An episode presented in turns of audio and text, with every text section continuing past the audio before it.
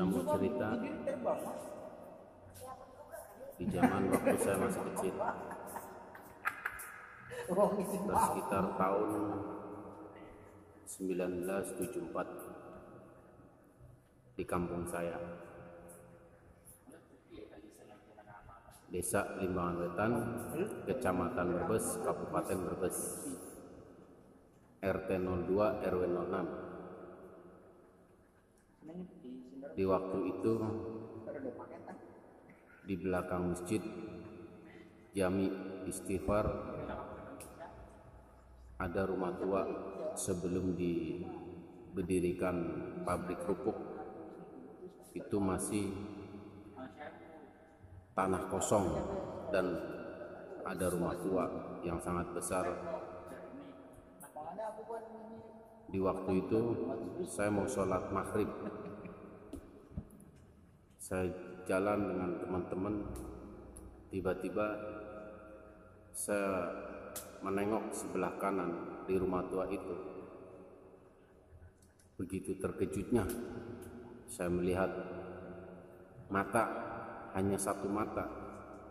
Besarnya itu seperti tampah yang untuk sebesar tampah yang untuk orang Jawa napi sepadi besarnya seperti itu. Itu saya melihat sendiri. Saya lari. Lari sangat kencang saya lari ke masjid. Sampai saya di masjid saya bengong.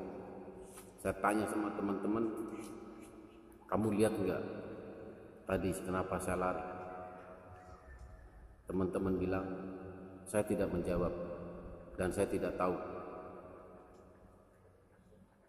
Tapi saya tahu saya lihat. Saya melihat mata besar. Mata satu itu besar di dalam rumah itu. Empat hari selanjutnya ada ibu-ibu mau sholat ke masjid mau sholat subuh. Dia cerita begitu juga dia lihat. Apa yang pernah saya lihat? Dari situlah orang-orang kampung Limbangan Wetan merasa takut. Dan benar-benar takut. Kalau mau ke masjid pasti rame-rame dan kelanjutannya ada teman saya di waktu masih kecil. Teman saya main di dekat rumah kosong itu ada sebuah got yang lebarnya sekitar 80 cm itu di got itu sampai teman saya itu nyari ikan tiba-tiba hilang sampai dicari satu RT padahal air itu got itu hanya setinggi lutut kaki orang dewasa. Tidak ketemu sampai sekarang. Makanya di kampung itu, di jembatan itu dibilang jembatan kecil Siluman Lawean. Itu terjadi di kampung saya RT 02 RW 06 Kelurahan Limbangan Wetan Kecamatan Brebes Kabupaten Brebes.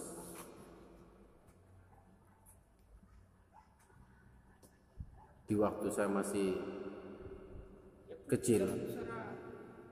Dan masjid itu boleh ditidurin sama anak-anak. Sering terjadi di situ.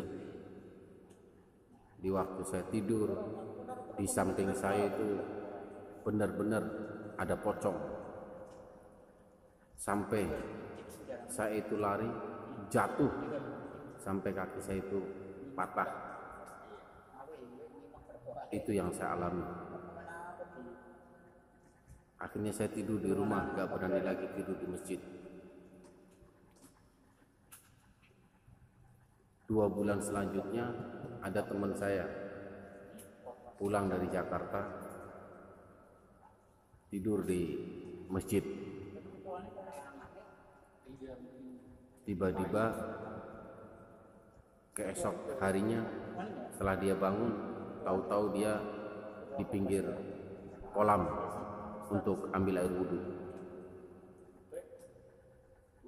percaya atau tidak percaya anda boleh bertanya di daerah Limaan Wetan, Kecamatan Brebes, Kabupaten Brebes. Di belakang Masjid Istighfar. Dan benar-benar sangat menakutkan di waktu itu. Akhirnya anak-anak gak ada yang berani tidur di masjid.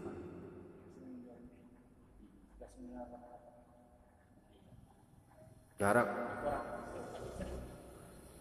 dari masjid ke rumah saya itu sebenarnya cukup dekat. Hanya sekitar 50 meter.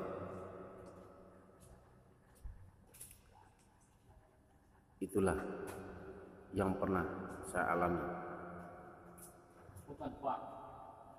ini fakta nyata dan Anda boleh tanya di Kecamatan Brebes, Kabupaten Brebes, Kelurahan Limaan Wetan. Wassalam. Inilah kisah aku di waktu aku masih kecil. Di waktu itu aku disuruh sama nenekku disuruh beli lauk pauk untuk makan malam. Aku keluar dari rumahku dan aku lewat jalan yang banyak pohon buah kelapa. Di situ aku jalan. Tiba-tiba aku mendengar suara seperti barang jatuh. Aku pikir itu suara buah kelapa yang jatuh.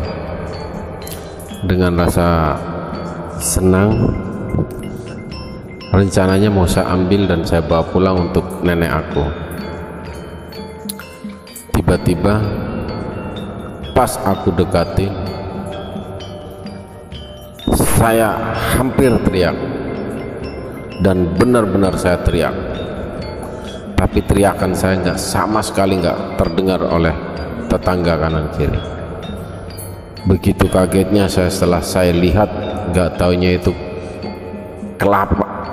Yang saya kira itu kelapa nggak taunya itu kepala. Kepala gundul. Dan itu betul-betul. Sampai sekarang aku masih ingat semuanya di waktu itu mau jalan aku nggak bisa. Teriak mulut aku nggak bisa teriak. Tiba-tiba aku terduduk di situ. Setelah aku duduk berapa menit tiba-tiba ada orang pulang. Habis sholat isya lewat jalan itu dan dia menyapaku. Kenapa kamu duduk di situ saya diam. Tiba-tiba saya dipegang kepalanya dan disuruh berdiri. Baru di situ saya bisa berdiri saya dibawa pulang sama orang itu ke rumah nenekku. Nyampe rumah orang itu cerita ini cucunya ada apa nih saya ditanya sama nenekku kenapa kamu saya nggak bisa jawab masih a a a a, a. Dan benar-benar nggak bisa bicara. Setelah saya berapa menit saya duduk terus saya dikasih air sama nenekku baru di situ saya bicara. Baru bisa bicara saya jawab apa pertanyaan nenek saya. Tadi saya lewat nek. Lewat tanah kosong itu yang ada buah kelapa banyak pohon kelapa saya mendengar suara pohon apa suara buah kelapa jatuh dari atas. Setelah saya dekati nih nggak taunya itu kepala kepala manusia nih terus nenekku bicara kan kamu udah saya kasih tahu jangan lewat situ. Jangan lewat tanah kosong itu yang banyak buah pohon kelapanya. Kamu malah lewat situ. Kan maksud aku biar cepat nek. Biar cepat nyampe terus aku cepat pada makan. Ya udah besok pagi kalau disuruh jangan lewat situ lagi. Iya nek. Besok paginya saya berangkat ke sekolahan.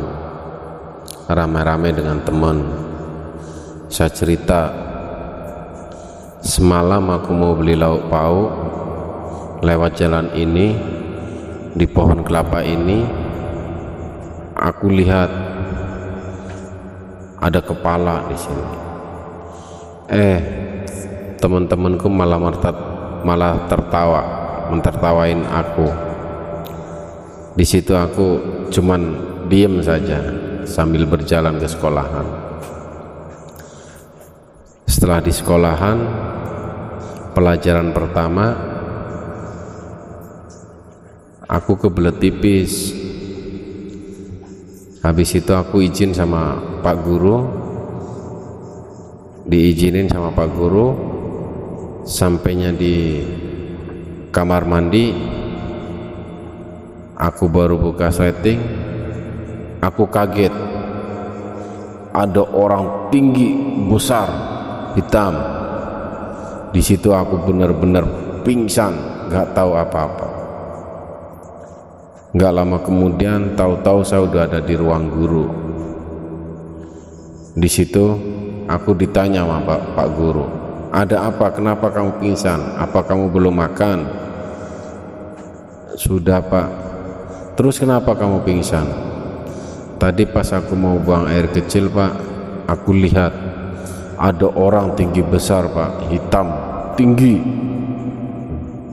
Jari tangannya gede-gede sekali Pak di situ aku pingsan aku mau teriak nggak bisa pak. Di situ akhirnya pak guru sama ibu guru bicara hati-hati kalau mau masuk ke kamar mandi. Emang kamar mandi itu benar-benar ada yang nunggu bukan kamu aja yang dilihatin ibu juga sebenarnya udah pernah lihat tapi bukan orang tinggi besar. Tapi itu nenek-nenek di kamar sebelah kamar mandi sebelah pas ibu lihat nggak ada. Akhirnya ibu langsung jalan cepat-cepat. Ternyata kamu lihat yang lainnya. Dari situ terus aku pulang.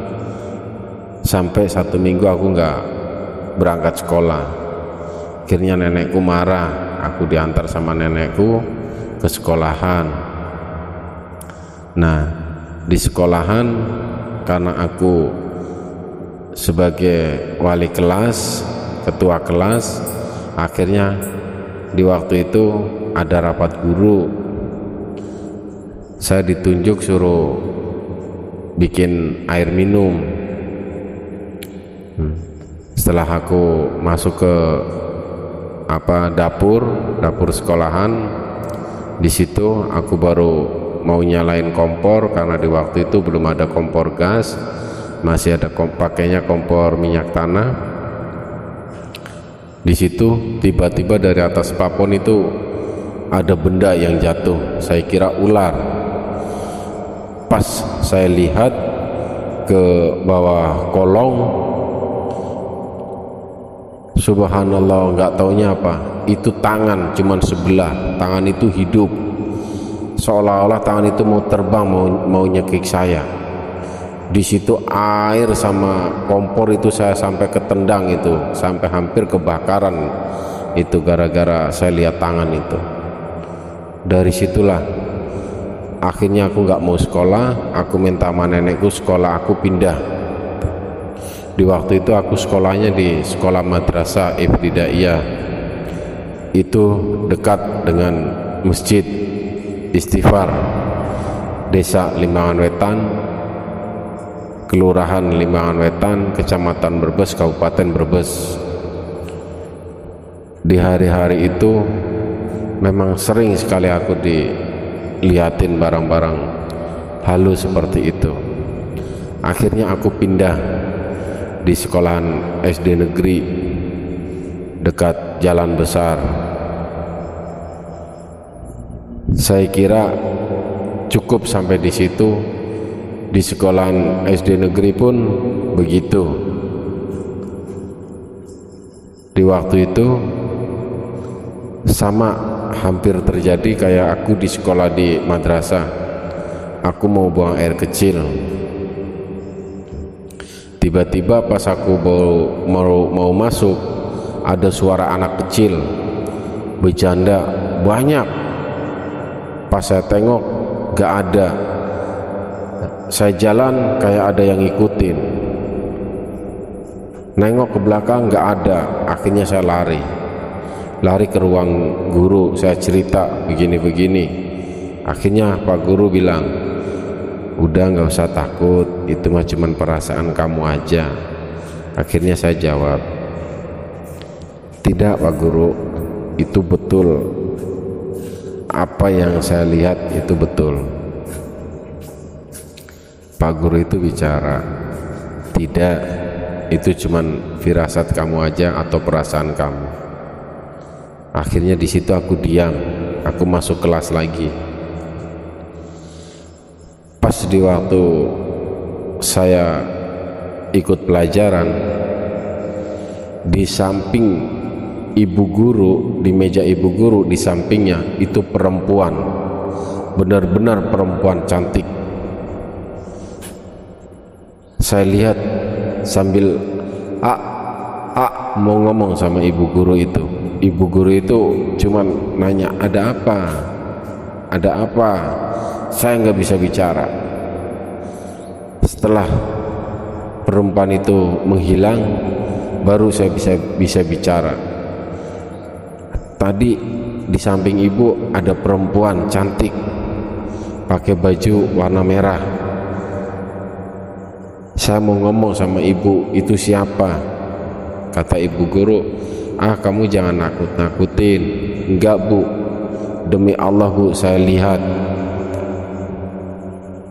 udah akhirnya di situ terus ibu guru bilang ya udah selesai pekerja selesai ulangan ini pada pulang. Akhirnya pulang saya cerita sama nenek saya. Nenek saya pun bicara kalau lihat apa-apa udah diam aja nggak usah ditunjuk nggak usah diceritain. Enggak nek saya takut kenapa saya sering dilihatin seperti ini? Barang-barang seperti itu kenapa sering nampak di wajah saya sudah. Begitu juga aku mau mandi. Di waktu itu di daerah kampung saya itu belum ada jarang rumah yang kamar mandinya di dalam. Pasti di luar berikut dengan sumurnya. Pas di waktu itu saya mau nimba di sumur tiba-tiba kayak ada bayangan ibu-ibu di dalam sumur itu setelah aku mau turun nenek aku teriak jangan! Kamu mau ngapain? Enggak nek. Itu ada ibu-ibu di dalam sumur itu. Nenek saya langsung mukul muka saya jangan itu setan kata nenek saya. Terus saya nggak dimandiin sama nenek saya baru saya disuruh masuk ke kamar jarak seminggu saya udah nggak boleh ke mana-mana. Saya dibawa sama nenek saya di Jakarta. Letaknya di Jakarta Selatan pasar minggu. Sampai saya besar. Saya kira saya bersyukurlah saya sekolah di pasar minggu. Nggak taunya begitu juga. Di daerah Condet di waktu itu masih rawan masih banyak pohon salak setiap saya mau berangkat sekolah pasti ada suara orang nangis. Padahal itu masih pagi udah termasuk udah matahari udah kelihatan. Ada suara orang nangis minta tolong ada orang teriak. Sering sekali saya kalau lewat situ dengar. Dari situlah saya punya sifat udah nggak pernah rasa takut lagi sama yang namanya setan atau jin saya udah nggak rasa takut lagi. Saya anggap itu udah makanan saya biasa. Hanya saya berpikir kenapa saya selalu dilihatin barang seperti itu? Wassalam.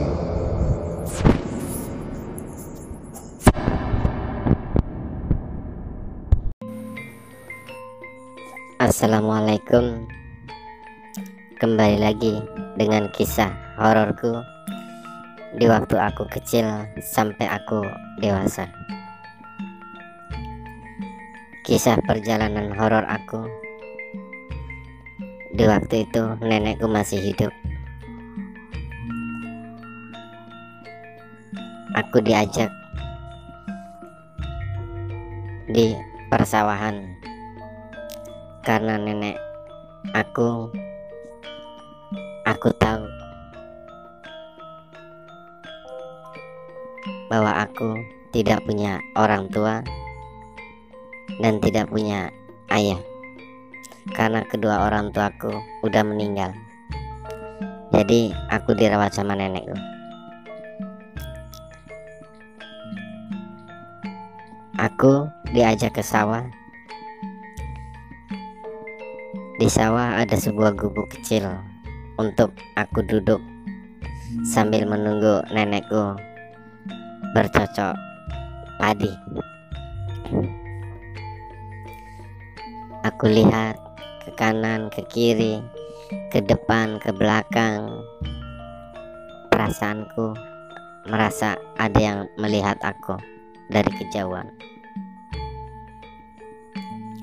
Aku ingat di sudut sebelah kanan dari kejauhan ada makam yang sangat besar yaitu makam itu yang diberi nama makam bayi. Karena kata nenek saya yang pertama dikubur di situ itu seorang bayi. Makanya orang kampung menyebutnya itu makam bayi. Di situ aku melihat ada sosok bayangan putih. Rasanya ingin menghampiri aku. Di belakangnya sosok bayangan merah hitam mengikut dari belakang.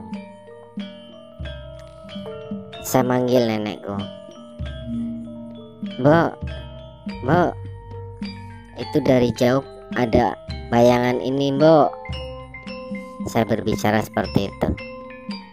Lalu mbokku berdiri menengok. Nggak ada.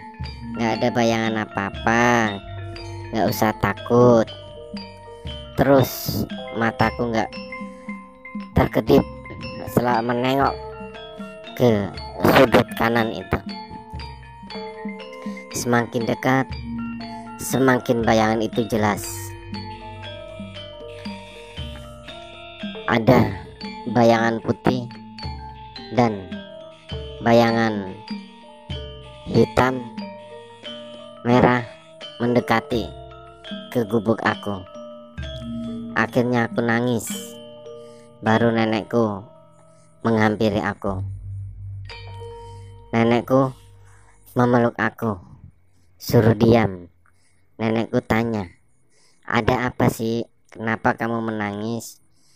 Aku lihat nek, ada bayangan dari sudut sebelah kanan dari kuburan. Tuh.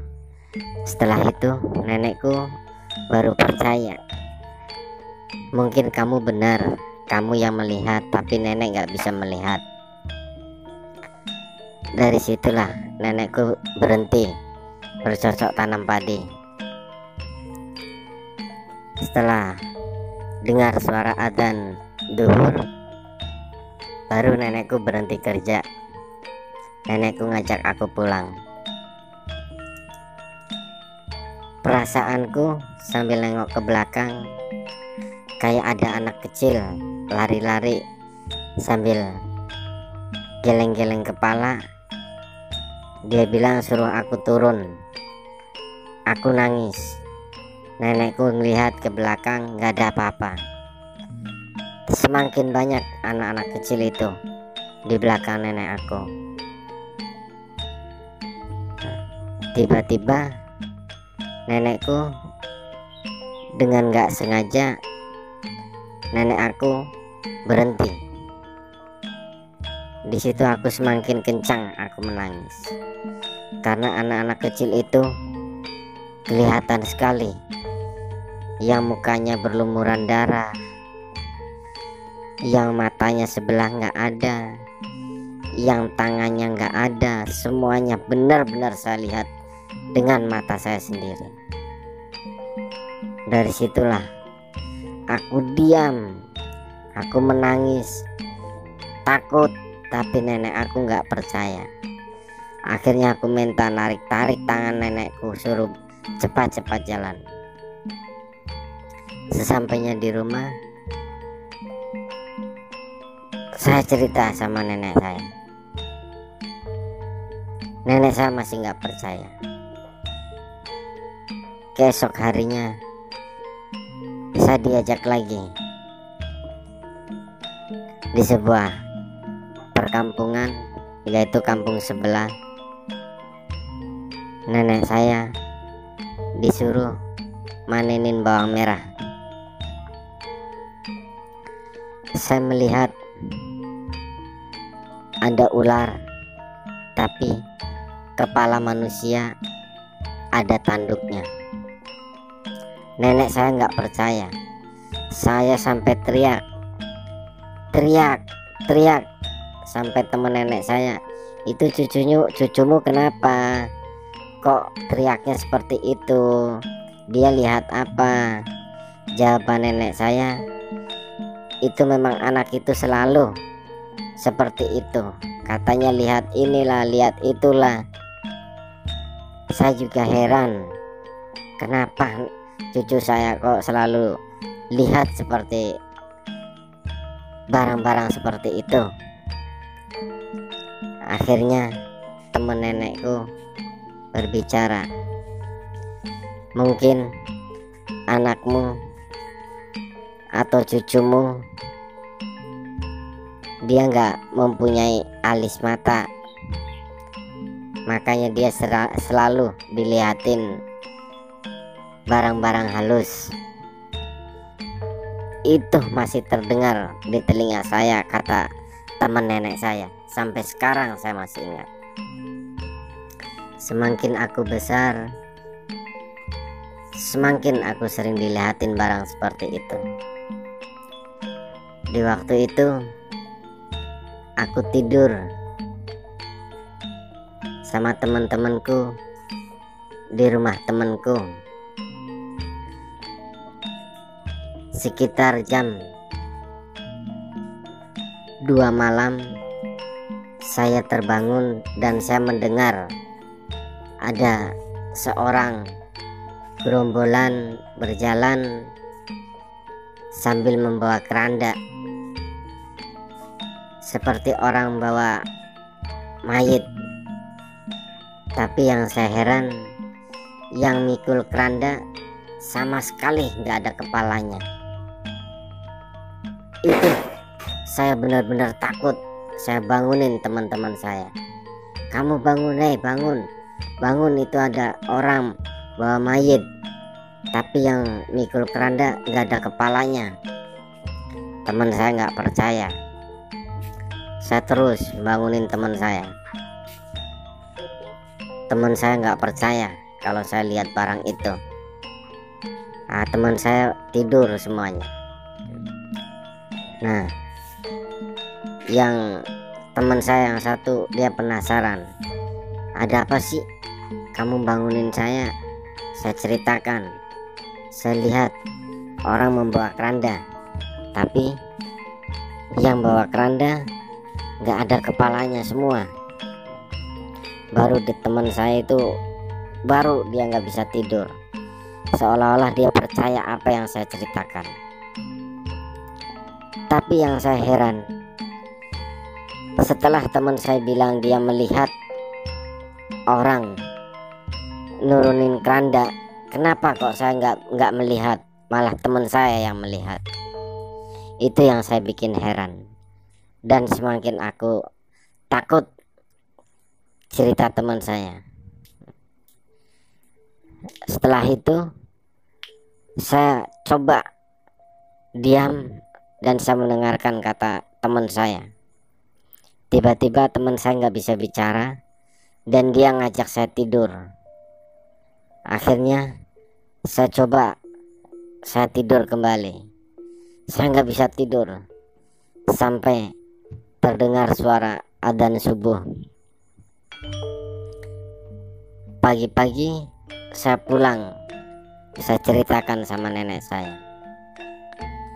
Baru nenek saya bicara kalau nenek saya iya, saya percaya apa yang kamu ceritakan karena di waktu nenek masih remaja nenek pernah tidur di rumah yang kamu tidurin itu nenek juga seperti itu. Sama persis apa yang kamu ceritakan. Nenek pernah melihat ada orang membawa keranda tapi yang mikul kerandanya sama sekali nggak ada kepalanya tapi bisa berjalan. Itu fakta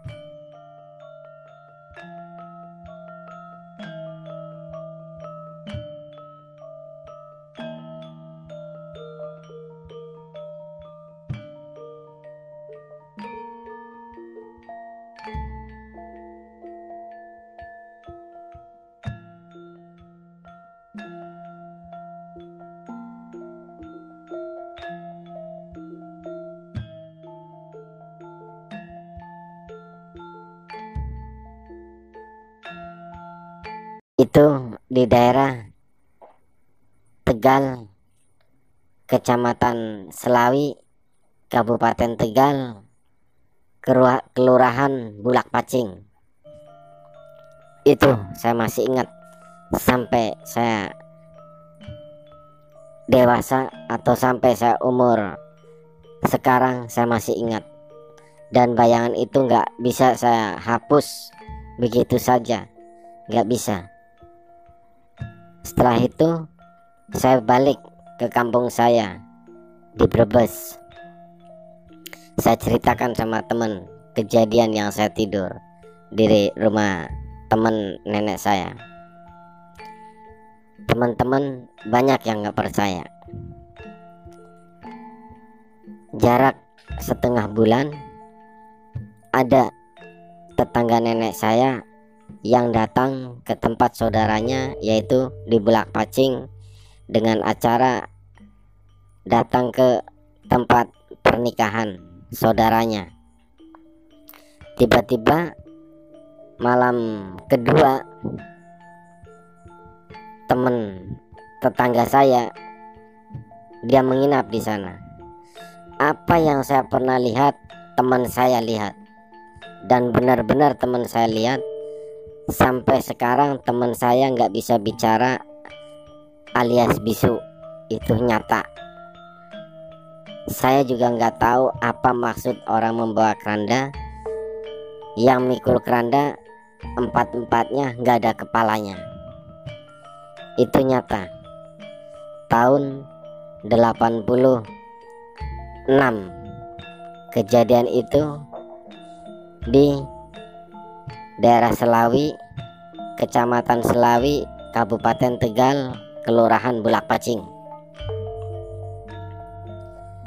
Dari situlah akhirnya terdengar sampai orang Bulak Pacing baru terbongkar riwayat Bulak Pacing itu.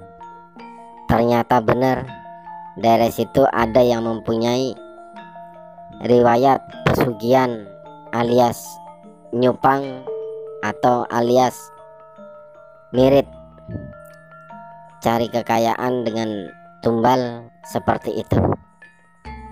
Dari situ saya udah nggak berani datang lagi ke bulak pacing. Saya bicara sama teman-teman saya akhirnya teman-teman saya percaya. Apa yang saya ceritakan mereka percaya.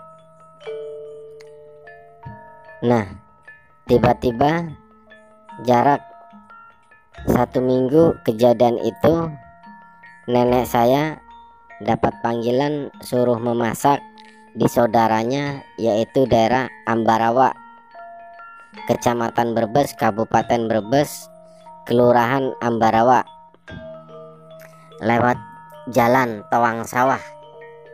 Itu sepanjang jalan sawah rumah masih jarang daerah situ. Saya ikut nenek saya.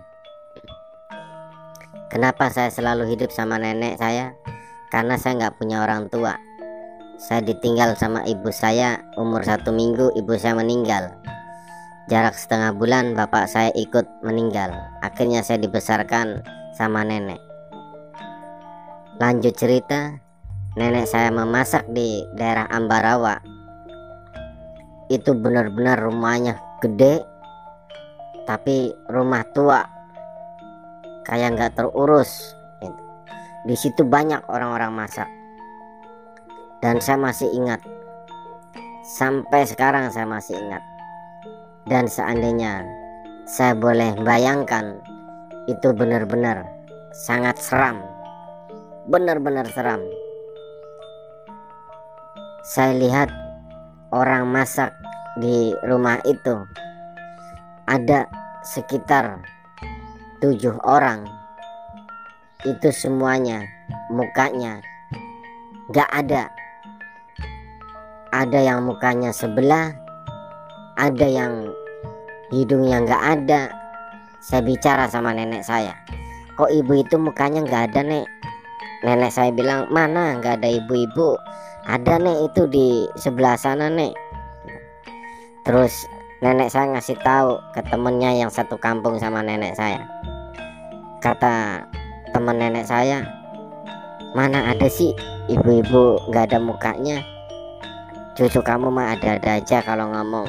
Enggak saya percaya sama cucu saya. Itu kata cucu saya itu sebelah apa kiri di sebelah pintu depan itu katanya ibu-ibu nggak ada mukanya. Nah ternyata anaknya ibu itu yang satu kampung dengan nenek saya perempuan namanya Rohani juga melihat apa yang saya ceritakan ternyata Rohani juga melihat iya bu itu benar. Apa yang diceritakan emas itu benar. Rohani juga lihat akhirnya ibunya Rohani sama nenek saya semakin penasaran. Saya diajaknya ke pintu depan. Ini loh ibunya ini mukanya nggak ada Nah, akhirnya ibu ibunya Rohani semakin merinding, semakin ketakutan. Akhirnya ngomong sama sama tetangganya. Itu kok cucu saya sama anak saya bicara seperti ini sih?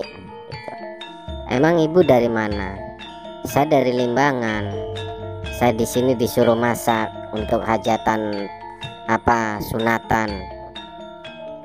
Akhirnya tetangga itu ngomong, saya aja nggak berani masuk rumah itu walaupun saya asli orang sini. Rumah itu kan dulunya buat ada orang yang bunuh diri di situ yang punya rumah itu. Akhirnya hari itu juga nenek saya pulang nggak mau masak di situ. Ternyata yang punya rumah tua itu saudara saya itu dia nggak tahu kalau dia beli rumah itu rumah itu sebenarnya pernah buat gantung diri pemilik rumahnya atau anak pemilik rumahnya. Dari situlah saya ikut pulang nenek saya. Tapi di sepanjang jalan ibu-ibu yang mukanya nggak ada itu ngikutin saya. Sampai saya bilang sama Rohani, Rohani kamu lihat nggak ibu-ibu itu di belakang ng ngeliatin kita terus. Iya mas. Saya juga lihat mas. Ibu itu manggil-manggil kita suruh berhenti. Nah, semakin saya jalan semakin ibu itu cepat jalan. Tiba-tiba ada mobil.